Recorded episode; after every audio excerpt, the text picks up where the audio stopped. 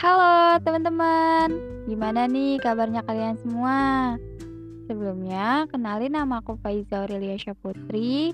Aku dari staf Kementerian Luar Negeri BMKM IPA Unsud periode 2021. Nah, pada Melu Talks episode pertama kita kali ini, kita mau sharing-sharing seputar pengalaman delegasi dari narasumber hebat kita pada malam hari ini.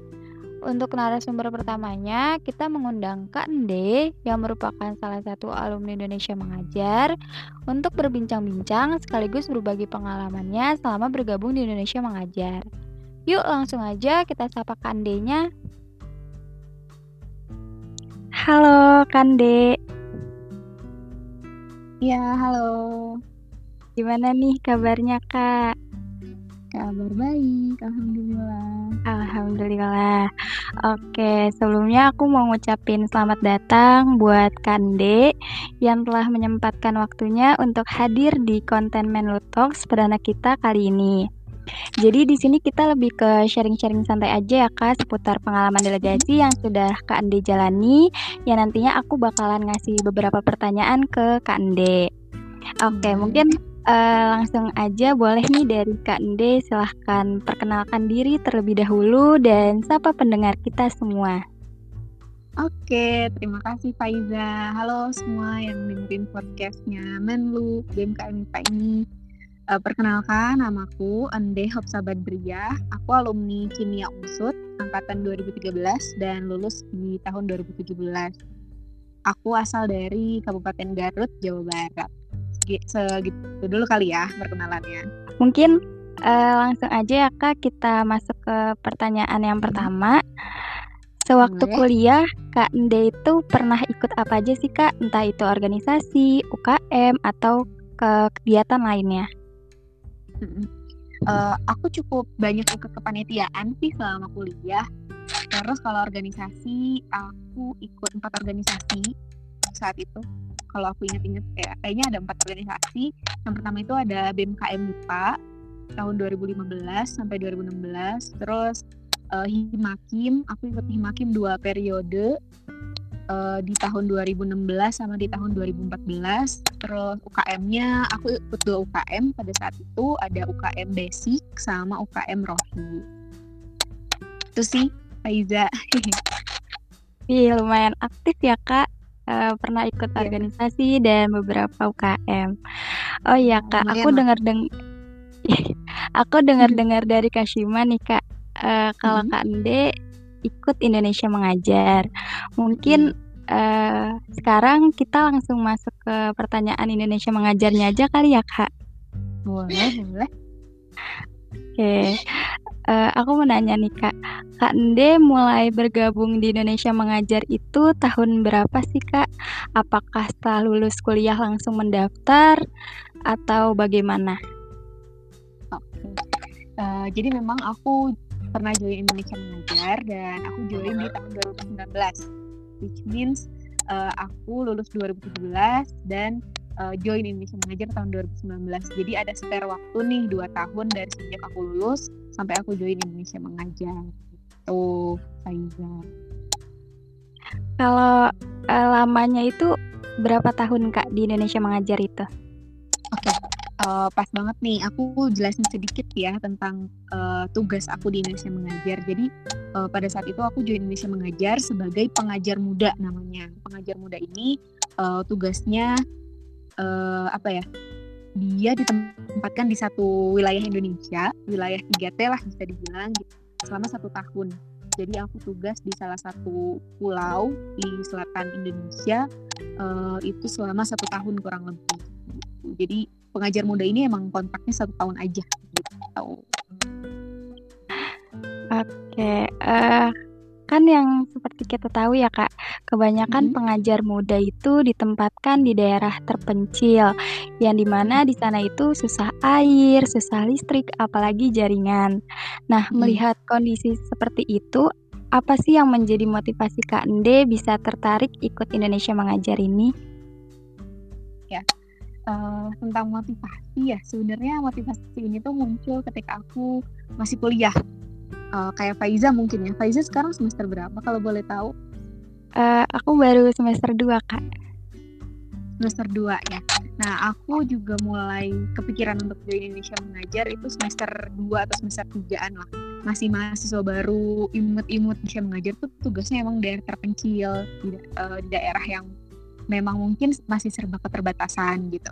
Uh, motivasiku kenapa aku pengen join ke sana itu yang pertama aku ngeliat diriku sendiri sih karena uh, uh, waktu aku kecil, waktu aku SD gitu, aku juga tinggal di daerah yang tidak terlalu maju gitu bukan daerah perkotaan tapi uh, memang daerah pedesaan juga gitu. terus sekolahku waktu itu juga masih terbilang uh, jauh banget ya gitu sama kondisi sekolah-sekolah di perkotaan di mana uh, anak-anaknya itu aku dan teman-temanku tuh masih sering pakai sendal jepit gitu ke sekolah. Terus kami uh, sering bawa pupuk ke sekolah gitu dan lain sebagainya. Dari situ motivasiku terbangun. Aku ngerasa uh, pada saat aku kecil itu bisa berkuliah gitu ya itu adalah sebuah ketidakmungkinan gitu bagiku. Karena aku tahu kondisiku pada saat itu seperti apa. Dan ketika pada akhirnya aku alhamdulillah bisa kuliah gitu ya menikmati manisnya menimba ilmu apalagi uh, sebagai mahasiswa pasti punya privilege yang banyak banget kan ya Zah, ya.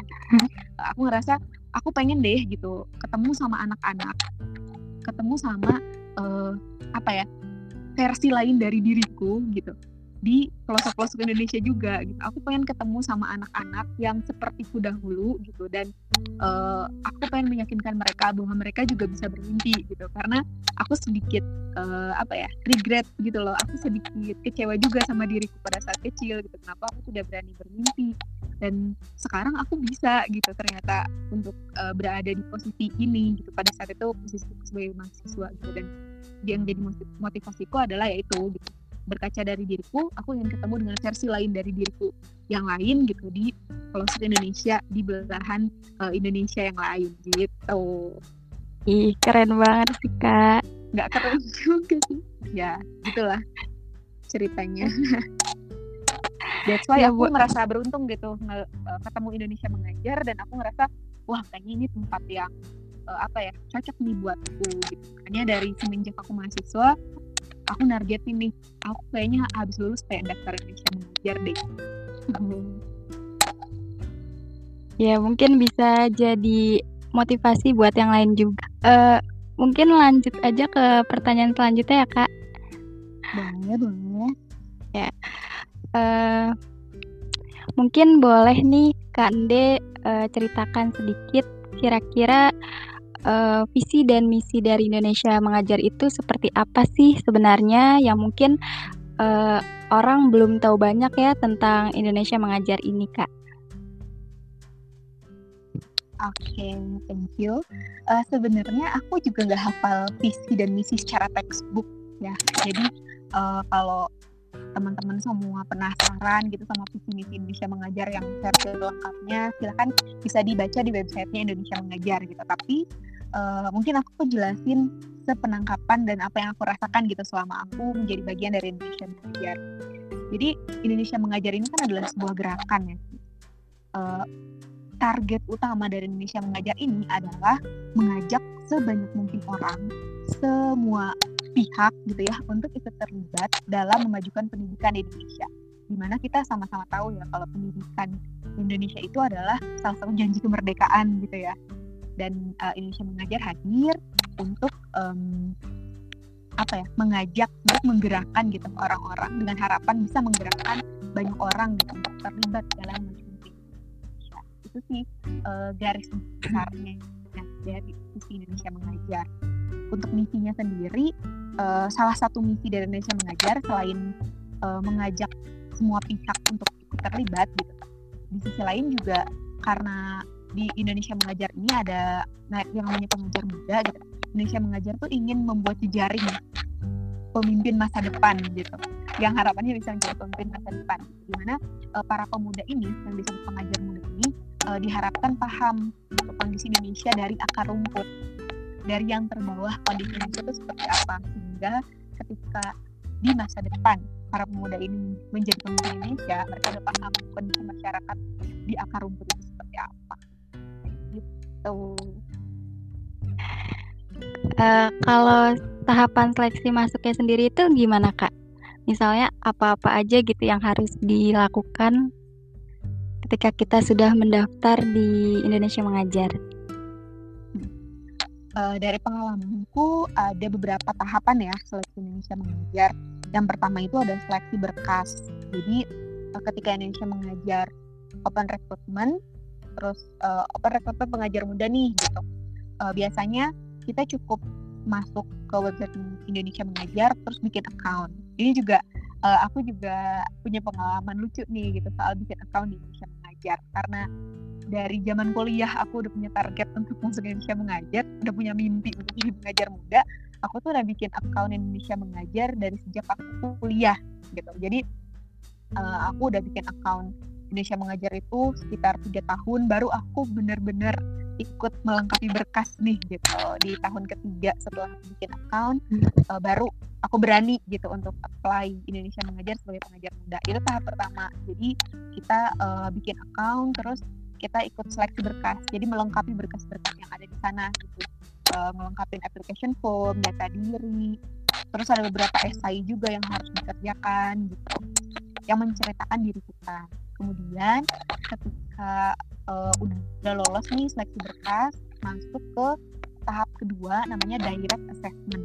Jadi direct assessment ini seperti namanya gitu kita di assess secara langsung gitu. Jadi pada saat itu uh, aku kan lagi kerja nih di Tangerang gitu. Aku berangkat lah ambil cuti di, dari kerjaanku. Terus aku berangkat di Jakarta. Di Jakarta itu uh, ikut direct assessment. Di direct assessment itu ada beberapa hal yang diujikan juga gitu. Ada FGD tahu FGD kan ya Pak ya? Kalau aktivis biasanya udah paham sih ya FGD ya kak. Ya oke. Okay. terus ada FGD terus ada praktik mengajar terus ada juga audiensi audiensi ini kayak uh, bagaimana kamu bertemu dengan pimpinan pimpinan daerah kayak gitu gitulah ya karena memang di penempatan nanti kita tuh akan berkomunikasi langsung sama pimpinan-pimpinan tertinggi da daerah tempat kita ditempatkan. Nah, sama uh, satu lagi itu kayak uh, tes-tes psikologi lah biasa psikotes gitu. Terus habis direct assessment, kalau misalnya lolos direct assessment, seingatku waktu itu kita di seleksi agak lama ya karena uh, ada 10.700 orang yang daftar gitu, dan yang dipilih ah, lumayan banyak. orang. Hmm, banyak banyak banget gitu. Pada saat aku aku kan angkatan 18 udah angkatan 18 nah uh, setelah direct assessment yang lolos direct assessment itu langsung MCU MCU terus medical check up ya medical check up yang lolos medical check up baru uh, resmi jadi calon pengajar muda. Tuh itu baru jadi calon ya itu yang lolos jadi calon pengajar muda ada 34 orang dari seluruh orang itu 34 orang ini itu ikut pelatihan dulu. Pelatihannya selama tiga bulan. Terus nanti uh, setelah pelatihan itu berakhir baru dilantik jadi pengajar muda dan ditempatkan ke desa-desa itu proses seleksinya. lumayan juga ya kak prosesnya. Hmm, lumayan ketat banget juga seleksinya. Karena kan pasti Indonesia mengajar juga nggak nggak nggak mau gitu pilih uh, sembarang orang dalam tanda kutip ya gitu. Pasti pengen yang terbaik gitu. Uh, maksudku aku tidak bilang aku aku yang terbaik ya gitu. Mungkin aku salah satu yang uh, profilnya cocok gitu dengan yang diinginkan oleh Indonesia mengajar pada saat itu. Nah uh, menurut Kande sendiri kira-kira tahapan tadi tuh uh, susah nggak sih kak? Hmm, susah-susah gampang sih ya sebenarnya. Uh, ya susah karena karena apa dibilang susah nggak juga sih ya. Aku ngerasa uh, tahapan seleksi ini tuh nggak sesusah itu tapi juga tidak mudah gitu ya. Jadi uh, aku nggak bisa bilang ini susah atau mudah gitu. Ketika kamu punya passion tentang sesuatu gitu uh, aku ngerasa ketika aku ikut seleksi ini tuh aku cuma jadi diriku sendiri aja gitu. Aku jadi diriku yang uh, punya background A B C D dengan cerita A B C D. Dan ternyata uh, itu cocok gitu dengan apa yang diinginkan Indonesia mengejar jadi ya aku ngerasa sih ketika tahap seleksi ini uh, pasti pasti aku punya keinginan untuk diterima dong ya gitu. Pasti aku pengen pengen banget nih jadi pengajar muda gitu. Pengen banget nih uh, mewujudkan uh, mimpi aku gitu. Merealisasikan apa yang menjadi motivasiku kayak gitu. dan pada saat tahap seleksi aku cuma enjoy aja sih menikmati itu semua. Dan alhamdulillahnya lolos. Ya karena sesuai passion juga ya kak jadi ya, uh, ngejalaninnya gitu juga ya Iya, jadi ngejalaninnya uh, gampang-gampang aja menurut Kande. Nggak gampang juga. Ya penuh tantangan lah. Gitu. Nggak sulit tapi challenging gitu. Challenging. Oke, kalau boleh tahu Kak, Kande tuh hmm? penempatan daerahnya gitu ya waktu di Indonesia mengajar itu di daerah mana aja Kak? Aku ditempatkan di pulau namanya Pulau Sabu. Mungkin kalau dilihat di peta nggak kelihatan ya. Jadi Sabu ini tuh pulaunya kalau kamu pernah dengar, kamu tahu Pulau Rote. Rote tuh lumayan terkenal ya gitu karena dia salah satu pulau paling selatan Indonesia gitu. Nah aku tuh uh, di pulau yang masih deket-deket Rote. Jadi di Nusa Tenggara Timur. Nama pulaunya Pulau Sabu. Nama kabupatennya Kabupaten Sabu Rangi 2 gitu. Hmm, baru dengar Kak Pulau Sabu. Oh iya. Oh iya, nanti coba browsing deh. Indah banget pemandangan di sana. Jadi aku ditempatin di satu desa namanya Desa Keliha. Desa Keliha ini hmm. uh, bagian dari Pulau Pulau Sabu. Nah, sebelum uh, Kak Ande dilepas nih ke Pulau Sabu tadi, itu ada training dulu nggak sih Kak di sana? ya pasti ada training. Nggak mungkin uh, kita tiba-tiba ditempatkan di satu daerah asing gitu ya dalam tanda kutip asing di satu daerah asing yang kita nggak pernah tahu seperti apa budayanya gitu. Uh, nggak mungkin dong kita nggak di training gitu. Karena Indonesia mengajar juga kan pasti punya uh, tujuan yang ingin dicapai kan dengan ditempatkannya para pengajar muda di sana gitu. Jadi uh, sebelum diberangkatkan ke desa kita tuh training selama tiga bulan kurang lebih. Satu setengah bulannya itu training secara online. Waktu itu aku inget banget tahun 2019 lagi puasa tuh aku training online tuh. Hmm. lagi puasa selama satu setengah bulan sampai lebaran baru nanti uh, satu setengah bulan lagi itu training secara offline. Jadi kita di karantina selama satu setengah bulan itu dan kita benar-benar di training di gembleng segala sesuatunya di sana gitu. Jadi total tiga bulan lah pelatihan uh, selama training itu uh, ngapain aja sih kak di sana gitu? Ah, ngapain aja ya? Banyak, banyak banget, banyak banget hal serunya ya sebenarnya pas training itu. Yang, yang pasti kita dikenalin nih Indonesia mengajar itu seperti apa sih gitu. Mimpi-mimpi yang ingin diwujudkan Indonesia mengajar itu seperti apa? Pengajar muda yang diinginkan itu seperti apa gitu. Terus kita juga dikenalkan dengan uh, realita yang ada di pelosok Indonesia sana gitu kan ya kita juga uh, di training nggak cuman secara nggak cuman dikasih materi doang nih gitu. Tapi juga kita digembleng secara fisik gitu. Karena emang uh, kondisi geografis geografis tempat kita di tempat kanan itu emang semenantang itu gitu. jadi kita juga harus punya fisik yang kuat gitu. mentally secara mental kita juga benar-benar dilatih gitu. Dan lain sebagainya lah gitu. Pokoknya trainingnya seru banget deh. Aku ngerasa uh, training di Indonesia mengajar ini tuh salah satu apa ya titik balik aku bisa mengenali diriku sendiri juga gitu. Karena kalau aku nggak pernah ikut training Indonesia mengajar kayaknya aku bakalan tetap jadi diriku yang biasa-biasa aja gitu. Walaupun sekarang juga biasa aja cuman uh, aku bisa sedikit lebih mengenali diriku gitu.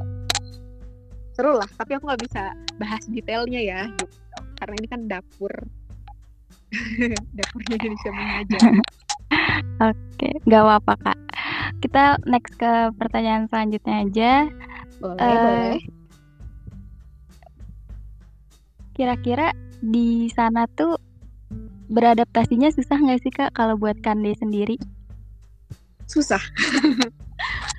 Kenapa uh, ada, kak? iya jadi sebenarnya waktu di training juga kan kita diajarin ya gitu. Uh, cara untuk beradaptasi seperti apa. Uh, kenapa menurutku adaptasi di sana agak sulit gitu? Uh, karena kondisi aku di sini dengan kondisi di Jawa lah ya aku kan uh, seumur hidup gitu sebelum Indonesia mengajar tuh tinggalnya di Jawa gitu ya. Di di Pulau Jawa gitu yang notabene emang homogen gitu. Lingkunganku juga homogen Muslim semua gitu kan ya. Uh, rata-rata. Ya makanannya sama semua gitu. Terus kondisi alamnya juga rata-rata kan pegunungan gitu ya. Aku kan tinggalnya selalu di pertengahan gitu kan. Gunung dingin banyak pohon gitu. Dan aku ditempatkan di pulau Sabu yang itu sangat kering. Jadi uh, ini tuh satu pulau kecil dikelilingi lautan gitu. Dan di sana tuh susah banget air. Pohon tuh jarang banget. Hmm. jadi cuma ada padang padang pasir batu kapur dan laut aja gitu. Itu dari geografis adaptasi dengan cuaca di sana yang amat sangat panas banget gitu yang airnya susah banget yang teman-temannya sedikit banget itu agak agak sulit secara geografis. Yang kedua secara budaya gitu. Di sana kan mayoritas non muslim ya Pak Iza sedangkan hmm. aku kan muslim aku terbiasa dengan lingkunganku yang muslim semua gitu ketika jatuh ke sana datang ke sana lingkungan di sana semuanya tuh non muslim gitu aku hidup di aku tinggal di rumah kepala desa dan uh, mereka penganut agama Protestan uh, yang notabene ya cara makanan kan berbeda ya dengan yang Muslim gitu. Aku tidak makan ya, babi, ya, benar, benar. tapi bagi mereka babi itu sah-sah saja untuk dimakan gitu. Ya gitu, itu juga jadi satu tantangan karena uh, ketika hidup di sana ya aku harus terbiasa juga gitu dengan hewan-hewan yang aku nggak pernah ketemu gitu. Kalau di kalau di lingkunganku pada saat aku tinggal sebelum aku menetap kayak sebelum aku jadi pengajar kuda nggak pernah aku lihat ada babi gitu kan ya. Jarang juga gitu aku uh, ketemu di, di rumah tetanggaku ada anjing yang dilepas uh, suka hati. Nah ketika ke sana aku harus terbiasa hidup dengan kondisi di mana babi itu udah kayak ayam. Kalau di sini tuh kan hmm. ayam dilepas biasa aja gitu ya masuk lewat yeah. masuk rumah. Nah kalau di sana yang seperti itu babi gitu. Ya aku harus terbiasa dengan itu. Pada awalnya agak sulit untuk beradaptasi dengan lingkungan seperti itu. Tapi lambat laun aku bisa menikmati itu juga. Jadi kalau ditanya susah nggak sih beradaptasi? Ya lumayan juga gitu. Tapi uh, seiring berjalannya waktu alhamdulillah aku juga bisa beradaptasi dengan kondisi Indonesia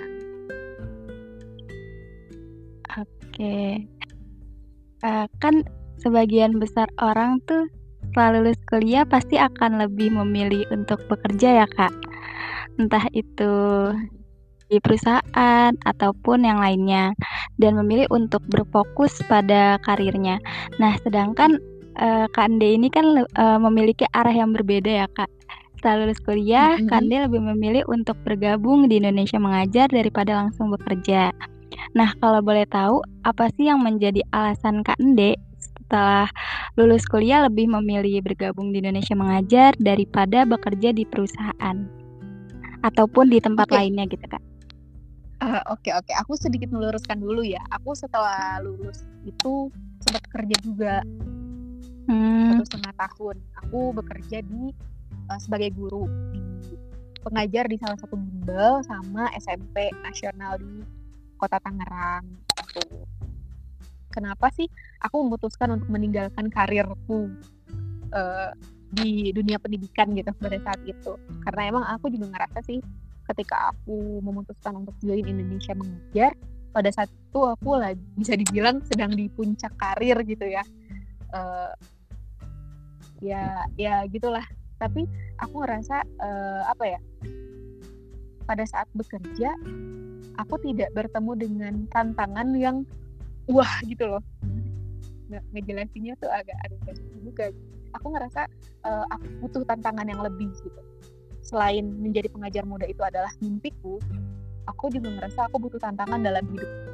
Makanya aku memutuskan untuk meninggalkan karirku sebagai uh, guru di SMP dan di bimbel tersebut dan aku join Indonesia mengajar dan sekarang gitu setelah aku melewati semua aku nggak menyesal gitu, meninggalkan itu dan join Indonesia mengajar karena uh, apa ya manfaatnya bermanfaat apa ya hal yang aku rasakan dalam hidupnya tuh lebih berbeda eh berbeda gitu, dan kerasa banget berbeda.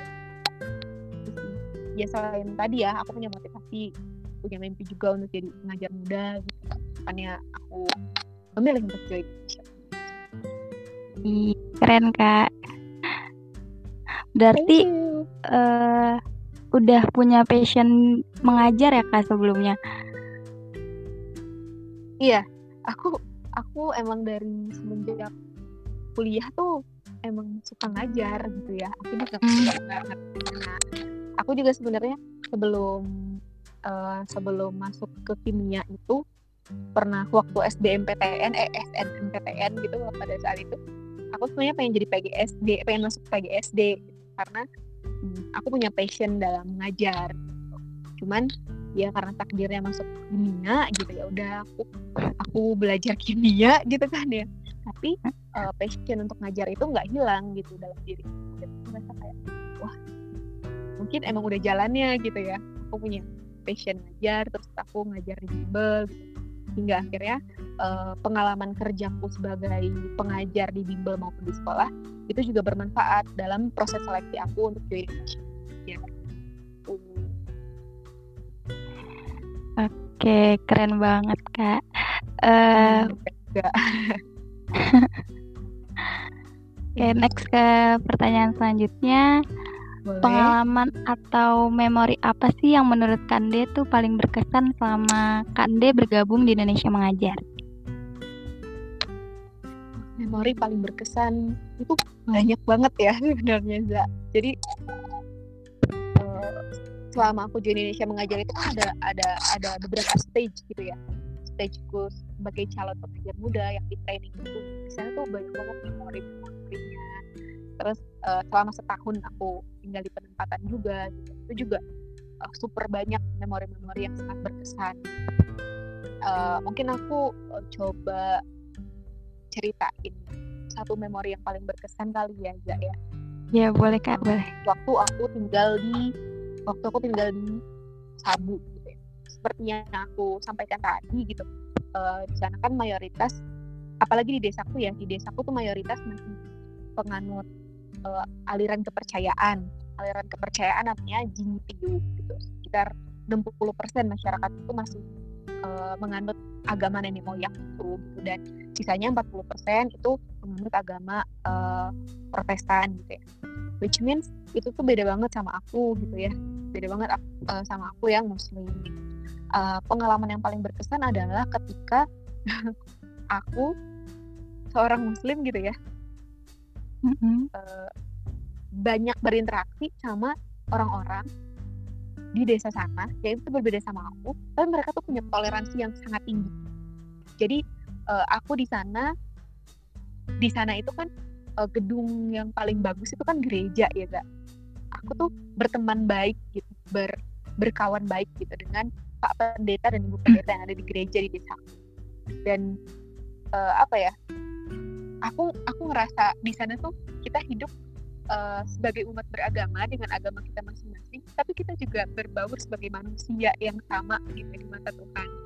Jadi kayak ketika aku main ke gereja gitu, mereka menyediakan tempat sholat. Mereka mempersilahkanku kalau misalnya kita mau makan ayam nih ya, mereka mempersilahkanku untuk menyembelih ayamnya. Jadi uh, kalau dirangkum dalam satu kata apa ya, memori yang paling berkesan itu toleransi kan ya. Aku belajar the real toleransi itu seperti apa itu di sana. Bagaimana mereka menoleransi aku yang seorang muslim tidak makan babi gitu. Bagaimana aku menoleransi mereka juga gitu. Pokoknya toleransi yang nyata tuh benar-benar terasa gitu. Itu memorable banget sampai saat ini. Gitu. terus aku punya satu pengalaman menarik nih Zah. gimana tuh kak uh, jadi uh, karena orang muslim di sana itu kan terbatas banget ya gitu. mm-hmm. dan ketika kita mau makan hewan gitu ya uh, uh, seorang muslim itu kan terbatas ya gitu aduh uh, harus muslim juga nih yang nyembelih jadi aku di sana tuh udah nyembelih banyak banget hewan walaupun aku seorang wanita karena emang aku muslim gitu dan uh, masyarakat di sana juga kayak mempersilahkan oh ibu ibu saja yang sembelih kalau begitu. Mereka bilang bunuh ibu saja yang bunuh gitu ini ayam. Jadi aku tuh punya pengalaman puluhan kali gitu nyembelih ayam. Dan pernah satu kali juga aku nyembelih kambing gitu untuk kita makan bareng-bareng gitu. Itu memorable banget juga sih. Pengalaman yang nggak akan pernah aku rasakan kalau aku nggak berangkat ke sana dan join Indonesia mengajar. Gitu Nah, setelah lulus Indonesia mengajar ini, Kak Ande tuh kesib eh, kesibukannya tuh apa sih, Kak? Hmm, kesibukan setelah dari Indonesia mengajar ya Iya, Kak. Eh, Setelah lulus belum dari Indonesia belum mengajar. selalu selalu dari Indonesia mengajar aku nggak punya kegiatan tetap sih ya ya aku aku kerja jadi freelance sekarang di salah satu startup. Terus em, sambil siap-siap buat rencana studiku juga gitu. Jadi ya sekarang kalau ditanya kesibukan kesibukannya sekarang ya itu sih eh, ngurusin rencana studi sama kerja sebagai freelance. Nih, terus eh dengar-dengar nih, Kak.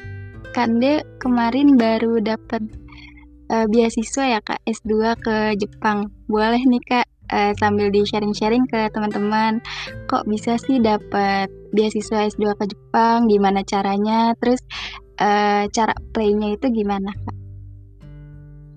Iya nih, alhamdulillah. Aku baru dapat aku baru dapat notification beberapa waktu lalu gitu kalau misalnya aku lolos seleksi beasiswa ke Jepang. Em, kalau ditanya caranya gimana, ya karena eh, apply kali ya, gitu. Karena daftar kali ya. Jadi eh, sekitar akhir tahun lalu tuh aku eh, apa ya eh, coba untuk apa ya dapat informasi beasiswa. Nama beasiswanya itu Max.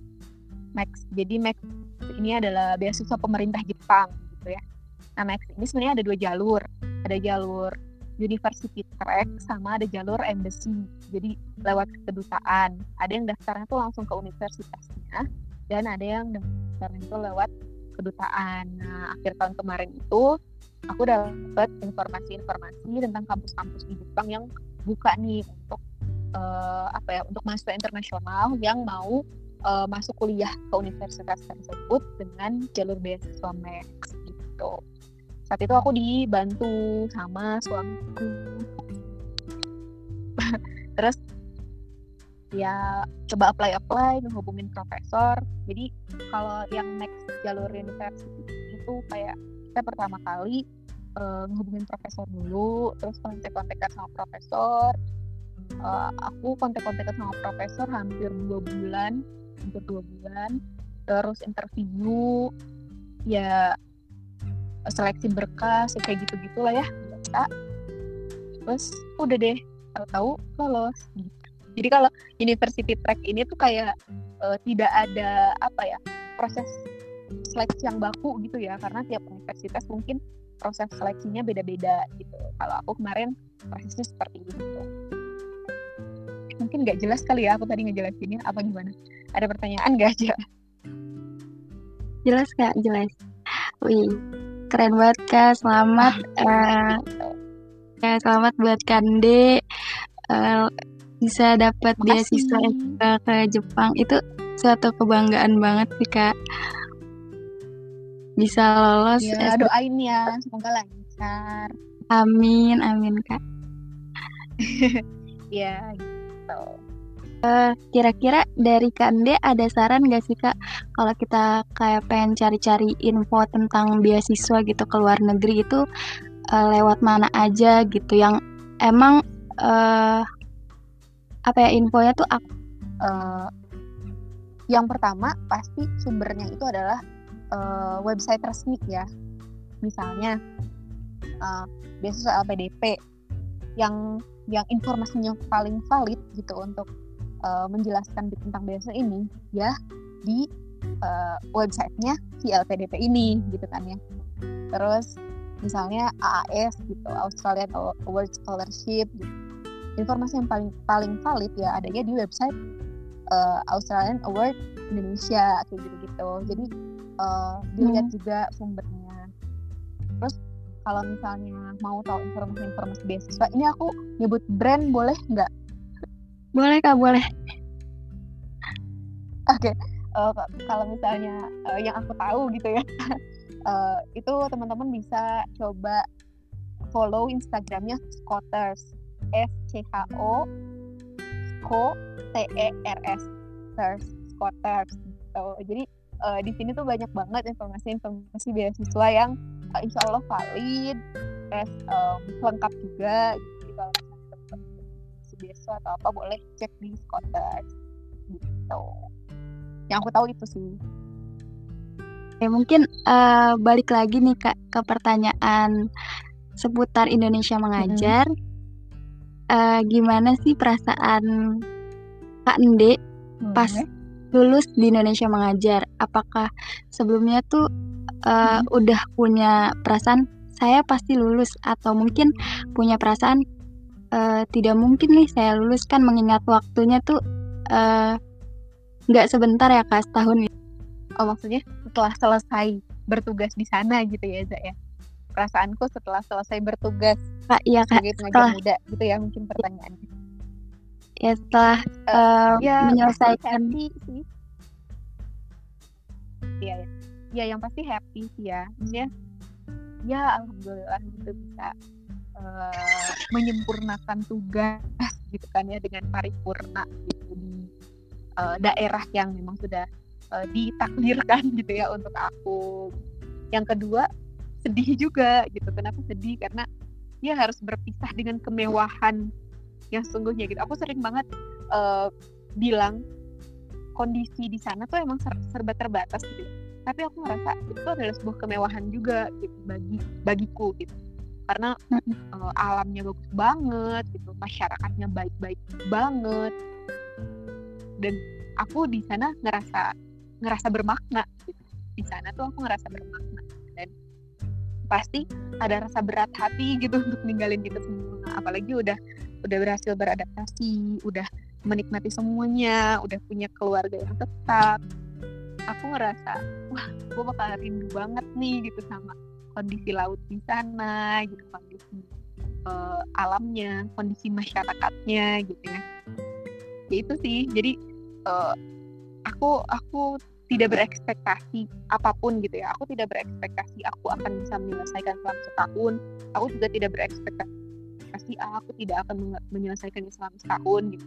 Uh, jadi ya apa yang sudah terjadi ya itulah gitu kenyataannya. Dan ya perasaannya pasti campur-campur aduk gitu ya. Campur aduk antara senang dan ada juga perasaan senang karena ya akhirnya bisa kembali ke Jawa yang serba gampang apa-apanya gitu serba gampang makannya gitu, serba gampang airnya gitu dan sebagainya. Gitulah. Ya berarti ada suka dukanya ya kak?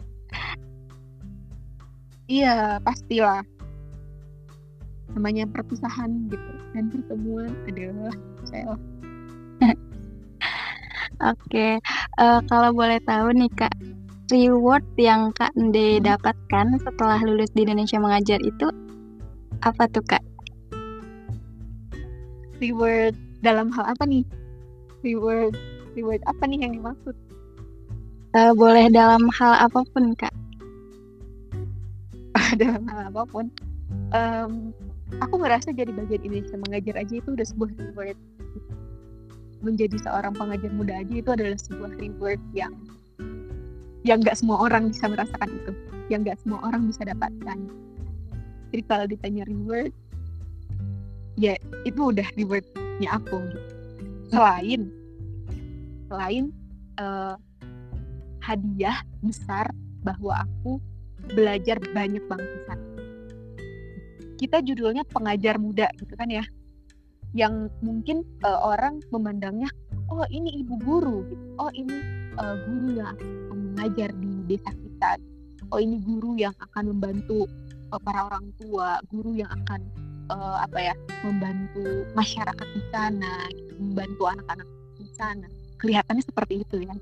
Tapi kenyataannya yang aku rasakan selama setahun aku yang banyak belajar di sana aku belajar dari anak-anak. Aku belajar dari para orang tua.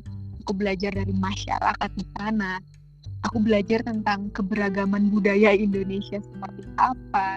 Aku belajar tentang toleransi. Dan itu tuh lebih dari sekedar reward kalau menurut aku. Itu kayak bener-bener apa ya?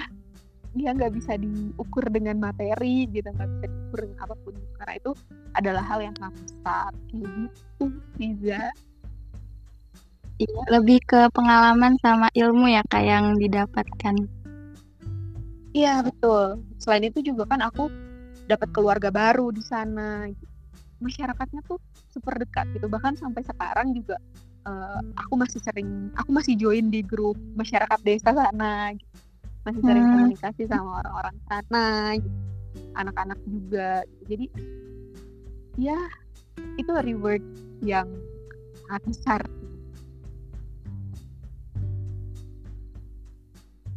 Oke, uh, menurut Kak Ndin, uh, generasi muda itu perlu uh, perlu gak sih melakukan kegiatan-kegiatan volunteer seperti itu?